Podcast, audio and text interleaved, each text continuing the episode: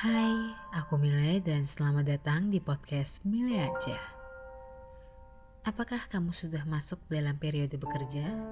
Pada saat kamu awal-awal mulai bekerja itu, apakah kamu sempat merasakan shock atau kaget? Di episode kali ini, aku akan membahas tentang hal-hal yang mengejutkanku saat aku mulai berada di masa-masa aku awal bekerja hingga bagaimana aku mulai menghadapi situasi tersebut.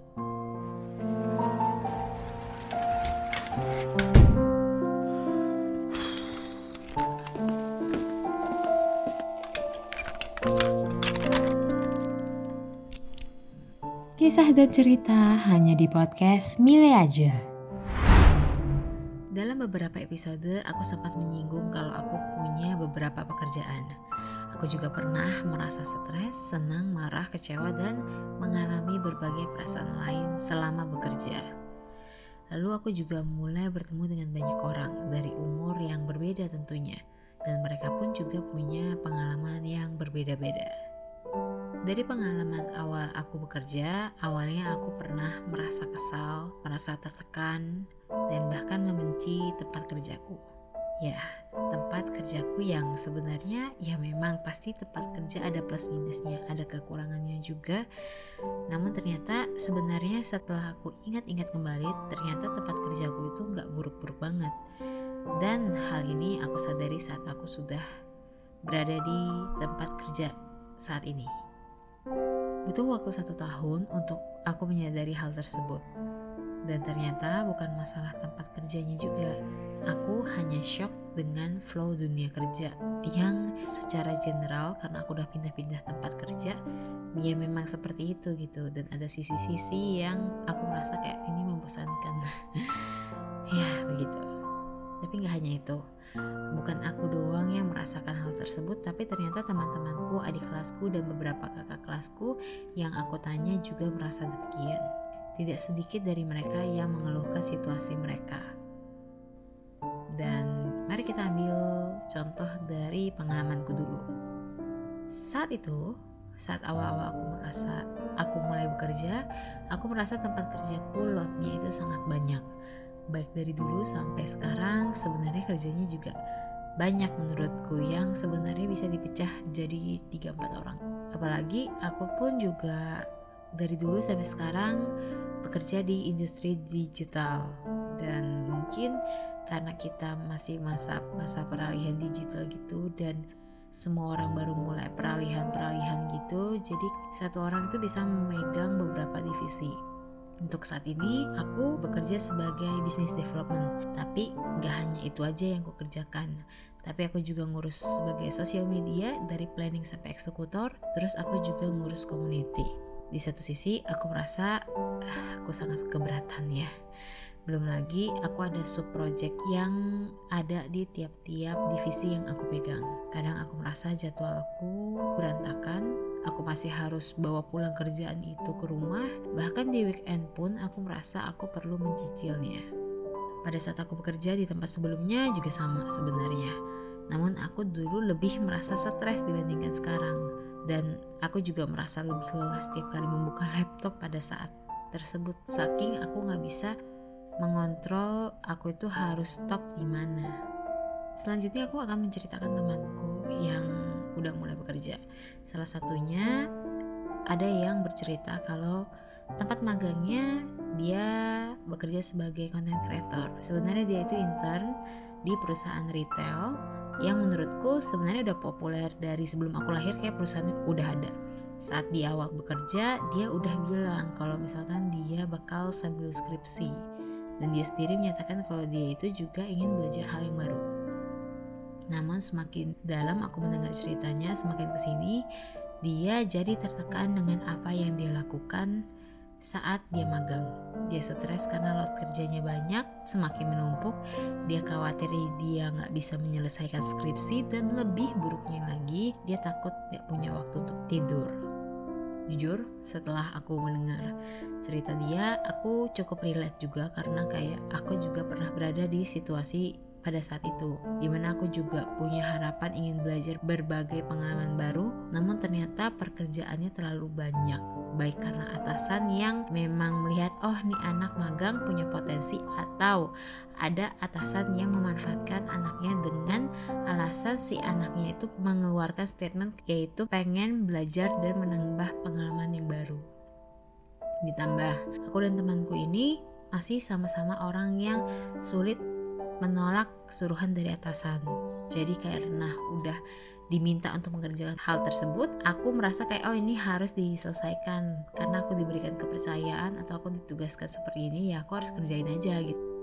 Itu yang sebenarnya menurutku berimbas ke pola hidup aku dalam bekerja dengan menyeimbangkan kehidupan-kehidupanku yang lain. Ya, dan syukurnya adalah saat ini aku sudah lebih berani untuk menolak kalau misalkan aku itu memang gak mampu. Balik lagi, jadi kalau misalkan temanku bekerja sebagai, jadi temanku ini yang bekerja sebagai konten kreator di sosial media ini, dia gak hanya jadi content creator, dia juga jadi KOL, dia yaitu dia ngepros ngepros influencer lalu terus habis itu dia mulai megang vendor terus habis itu dia juga execute uh, beberapa kegiatan dari atasannya kayak itu nggak execute sebuah event gitu. Terus habis itu kayak megang vendor juga kan dengan apa ya namanya baru mulai magang deh setauku tapi kayak lotnya juga sudah cukup banyak menurutku. Terus habis itu dia berada di posisi ketidakpastian antara atasan A dengan atasan B dengan arahan yang kurang jelas dan kurang koordinasi. Tapi dia yang malah bertanggung jawab dan akhirnya karena miskomunikasi tapi eh, karena miskomunikasi atasan dia kena masalah tapi yang disalahkan utama adalah dia. Padahal dia pemagang menurut aku. Jadi kayak aku nggak bisa ceritain detailnya seperti apa cuman dalam satu sisi adalah uh, menurutku atasannya salah sih.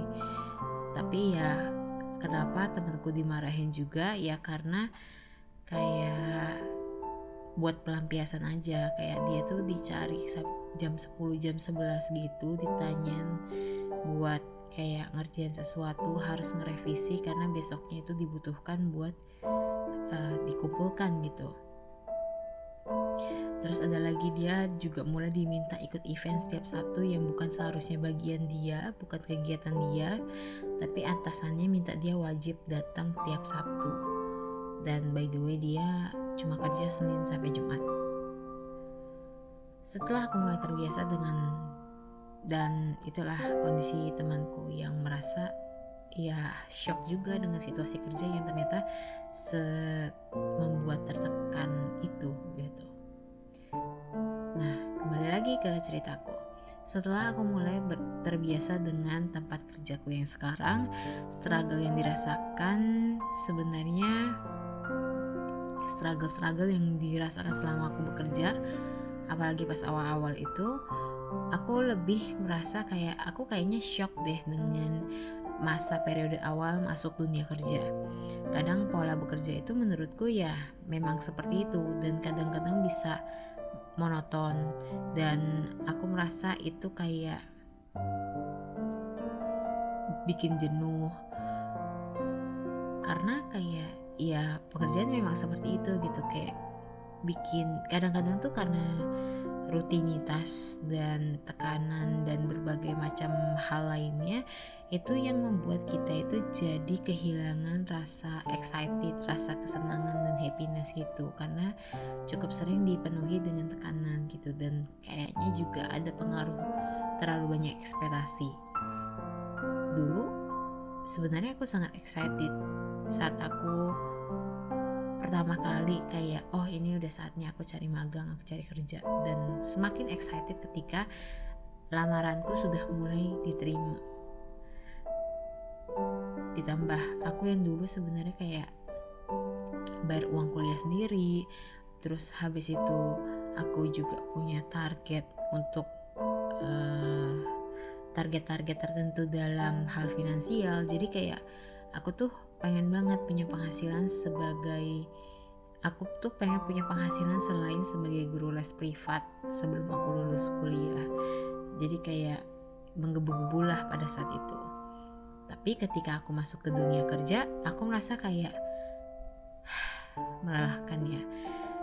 Masuk ke dunia kerja itu tandanya sudah menjadi orang dewasa di mana aku merasa nggak ada hari libur yang benar-benar libur. Aku nggak bisa bilang kalau Sabtu Minggu aku nggak kerja sama sekali. Apalagi menurutku kerja di industri digital ya kayak selalu harus standby gitu. Aku ambil contoh ketika kayak aku tanggal merah ada atasanku yang menghubungiku atau temanku yang atau kayak temanku juga dichatin sama atasannya jam 10 jam 11 malam di call berkali-kali karena ada kerjaan yang harus direvisi dan besoknya dikumpul gitu. Aku mulainya bingung, apakah aku dan teman-temanku itu harus menerima kondisi tersebut karena itu bagian dari tanggung jawab divisi atau membiarkannya aja karena di luar jam kerja. Tapi dari situ aku jadi mulai menyadari kadang-kadang kayak pas aku cari lowongan kerja gitu ada tulisan jam kerja fleksibel. Itu tuh bisa ada dua opsi. Memang dia itu bisa lowong di saat jam kerja dan dia itu bisa cari kita di luar jam kerja. Itu menurutku arti fleksibel sebenarnya. Tapi ya aku cukup mempertanyakan itu sih dan aku masih menyesuaikan apa yang bisa kita tinggalkan dan enggak toh kayak ada beberapa hal menurutku bisa ditinggalkan kerjaannya karena aku tuh sebenarnya udah mencapai target gitu target-target tertentu. Jujur saat aku menghadapi situasi tersebut kayak aku bingung apakah harus aku tinggalin atau aku tetap kerjain aja gitu aku sangat dilema aku sangat bingung. Dan belum lagi aku orang itu super duper gak enakan ketika menolak pekerjaan yang disuruh. Padahal itu pun juga bukan job deskku Terus kerjaanku juga sebenarnya nggak sedikit. Terus aku orang yang cukup perfeksionis dalam mengerjakan sesuatu dan kadang aku suka menyalahkan segala situasi kepada diriku sendiri meskipun bukan aku penyebabnya. Dan itu yang menjadi satu alasan besar kenapa aku bisa tertekan dalam pekerjaan. Kayak aku shock, aku stres. Menurutku itu menjadi penyebab utama kenapa aku bisa culture shock pas aku mulai kerja. Dari penyebab itu semua, akhirnya aku jadinya selalu merasa minder dengan kemampuanku sendiri. Aku jadi bertanya-tanya apakah aku memang mampu, tapi kok kayaknya aku selalu kerjanya nggak bener ya. Padahal aku udah luangin seluruh waktuku, bahkan aku sampai kurang tidur. Tapi kenapa aku tetap gak mampu? Dan itu adalah pertanyaan yang sering kulontarkan pada diriku. Aku jadi sering menyalahkan diriku dan bahkan aku selalu merasa kalau 24 jam dalam satu hari itu nggak cukup. Dan karena pernyataan itu, aku menyadari bahwa aku workaholic. Aku orangnya gila kerja banget dan gara-gara itu aku jadi nggak bisa tidur. Aku sendiri juga suka karena juga suka mengerjakan sesuatu secara sendirian pekerjaanku jadi tambah berat kan belum lagi perfeksionisku. Terus juga belum lagi ketika ada orang yang minta aku melakukan sesuatu aku merasa kayak aku tuh punya tanggung jawab yang besar untuk menyelesaikan hal tersebut secepat mungkin. Dan akhirnya burn out lah aku. Aku ingat banget karena pekerjaanku yang aku terlalu gila workaholicnya. Aku jadi stres aku kurang tidur aku jadi sering sakit bahkan sampai kayak selalu ngedrop lah dalam beberapa minggu sekali. Lalu aku juga jadi kayak banyak gejolak juga karena kayak banyak perasaan yang muncul sampai aku pun nggak tahu sebenarnya itu perasaannya apa sih. Aku sebenarnya kan kayak termasuk orang yang cerewet ke teman-temanku. Aku gara-gara kerja yang gila-gilaan itu nggak bisa mengontrol pekerjaan yang datang dalam hidupku aku jadinya kayak males juga ngobrol sama orang males juga berinteraksi.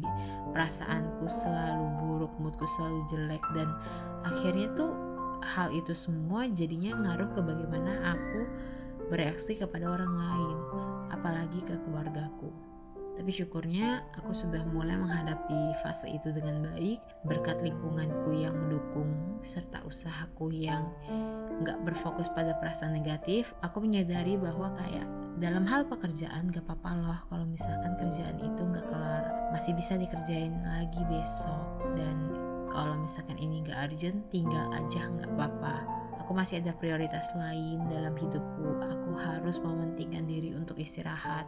Aku harus berfokus sama kayak kesehatanku diriku dibandingkan cari duit doang. Dan aku sendiri pun mendapatkan kata-kata itu setelah kayak aku mengalami bermacam hal selama periode magang dan bekerja. Contohnya kayak aku disuruh mengerjakan proyek A, lalu beberapa waktu kemudian aku diminta untuk mengerjakan proyek B dan C. Kalau misalkan aku yang dulu, mungkin aku bakal kayak mengerjakan A, B, C itu kayak multitasking dan pengen menyelesaikan hal tersebut secepatnya. Tapi kalau misalkan sekarang aku mulai lebih ke mengatakan pada orang yang memintaku kalau misalkan aku sedang mengerjakan proyek A. Lalu aku juga bertanya, yang mana yang harus diprioritaskan? Apakah oke okay kalau misalkan aku meninggalkan proyek A lalu aku mengerjakan dua proyek yang baru dia minta atau seperti apa? Karena aku punya kerjaan yang harus aku utamain dulu. Dan kalau misalkan hasil diskusinya yang mana yang lebih harus diprioritaskan aku akan mengerjakan hal itu. Dan aku tidak terbebani kalau aku harus mengerjakan ABC secepat-cepatnya gitu. Aku bisa berfokus ke hal-hal yang dia minta untuk diprioritaskan dulu dan dia pun juga tahu konsekuensinya. Kalau misalkan salah satu dari mereka pun akan kukorbankan dulu karena aku harus mengutamakan proyek yang lain dan menurutku kalau aku mengungkapkan pernyataan itu ke orang lain itu memerlukan keberanian tinggi menurutku. Jujur saat aku mengatakan itu awal-awalnya aku sangat takut kalau orang yang aku ajak bicara itu jadi sinis atau menganggap aku itu banyak alasan atau nggak kompeten. Namun nyatanya nggak nggak semua. Ada yang sini sama aku sebenarnya. Cuman ya paling satu dua orang. Dan mereka emang orang yang hidupnya dipenuhi sama pikiran negatif. Jadi kayak lupakanlah mereka gitu, asalkan mereka tidak mengganggu performa kerjamu. Banyak orang yang sebenarnya punya empati dan sebenarnya mengerti apa yang kamu kerjakan. Mereka akan siap menunggu dan senang sebenarnya diajak diskusi atas apa yang dilakukan saat kerja. Aku sebenarnya dulu takut bilang ke orang kayak aku tuh punya kendala dan segala macam. Namun kayak ketika berkat lingkungan sebenarnya aku jadi mulai coba berani untuk bilang ke rekan kerjaku kalau misalkan ada loh prioritas yang harus ku kerjakan seperti apa ya meskipun aku harus belajar juga cara mengemas storytellingnya yang lebih baik gimana. Dan itu butuh proses tapi berkat mencoba untuk bilang ke mereka aku jadi kayak stresnya berkurang dan pekerjaanku yang sebenarnya pun juga project ya itu tuh gak perlu kupikul sendiri. Jadinya pekerjaanku itu kuemban sendirian gitu. Dan ada yang bakal tolongin sebenarnya Mungkin menurutku ada banyak ketakutan yang aku pikirkan karena kayak pengalaman-pengalaman di masa sekolah atau kuliahku itu sebenarnya buruk. Jadi aku punya kekhawatiran yang tinggi. Belum lagi hal tersebut disebabkan kayak aku takut diomongin dari depan maupun belakang. Terus aku juga ada culture shock juga saat kerja kayak karena pola beraktivitas di kantor gitu itu berbeda saat di sekolah belum lagi target-targetnya yang harus kita lakukan dalam periode tertentu gitu. Itu kan pasti kayak berbeda jauh banget sama kuliah dengan sekolah. Dan bekerja itu menurutku itu jangka panjang dan itu tuh lebih monoton dibandingkan masa kuliah dan sekolah. Dan kayak kuliah dan sekolah kan menurutku kayak kita tuh bisa lebih idealis. Nah sedangkan kan kalau misalkan bekerja itu kayak kita tuh harus turunin lah idealisnya karena kayak terlalu idealis jatuhnya lebih kayak egois gitu. Sedangkan kan kayak kita itu bekerja dengan orang lain dan kayak ada yang harus dikorbankan juga gitu. Dan apalagi kalau misalkan kamu itu kerja di perusahaan orang gitu ya kamu harusnya mengikuti orang yang gaji kamu. Namun menurutku pasti akan berlalu kok. Culture shock bisa lewat dan idealis itu bisa disesuaikan juga dengan situasi tempat kamu bekerja. Pola hidup di dunia kerja menurutku sebenarnya sangat jauh ya 180 derajat dibandingkan masa kuliah. Namun menurutku nggak buruk-buruk banget. Ada situasi yang sebenarnya tetap menyenangkan tergantung gimana cara kita membawanya gitu. Dan mungkin sebenarnya ada beberapa kondisi di dunia dewasa khususnya kerja. Ada hal yang buruk pasti ada namun ada beberapa hal yang mau gak mau suka gak suka kita harus menerima keadaan tersebut. Contoh kayak diomongin dari belakang itu kayak drama kantor itu pasti ada. Tapi se diomongin diomonginnya itu kayak tiap orang tuh akan tetap profesional dalam dia bekerja. Dan sepengalamanku di kantor gosip itu akan menjadi makanan sehari-hari dan akan selalu ada dan itu adalah hal yang wajar demikian podcast milik aja kali ini aku harap kamu bisa menghadapi culture shock kamu saat kerja ya Aku Mile dan sampai jumpa di episode selanjutnya.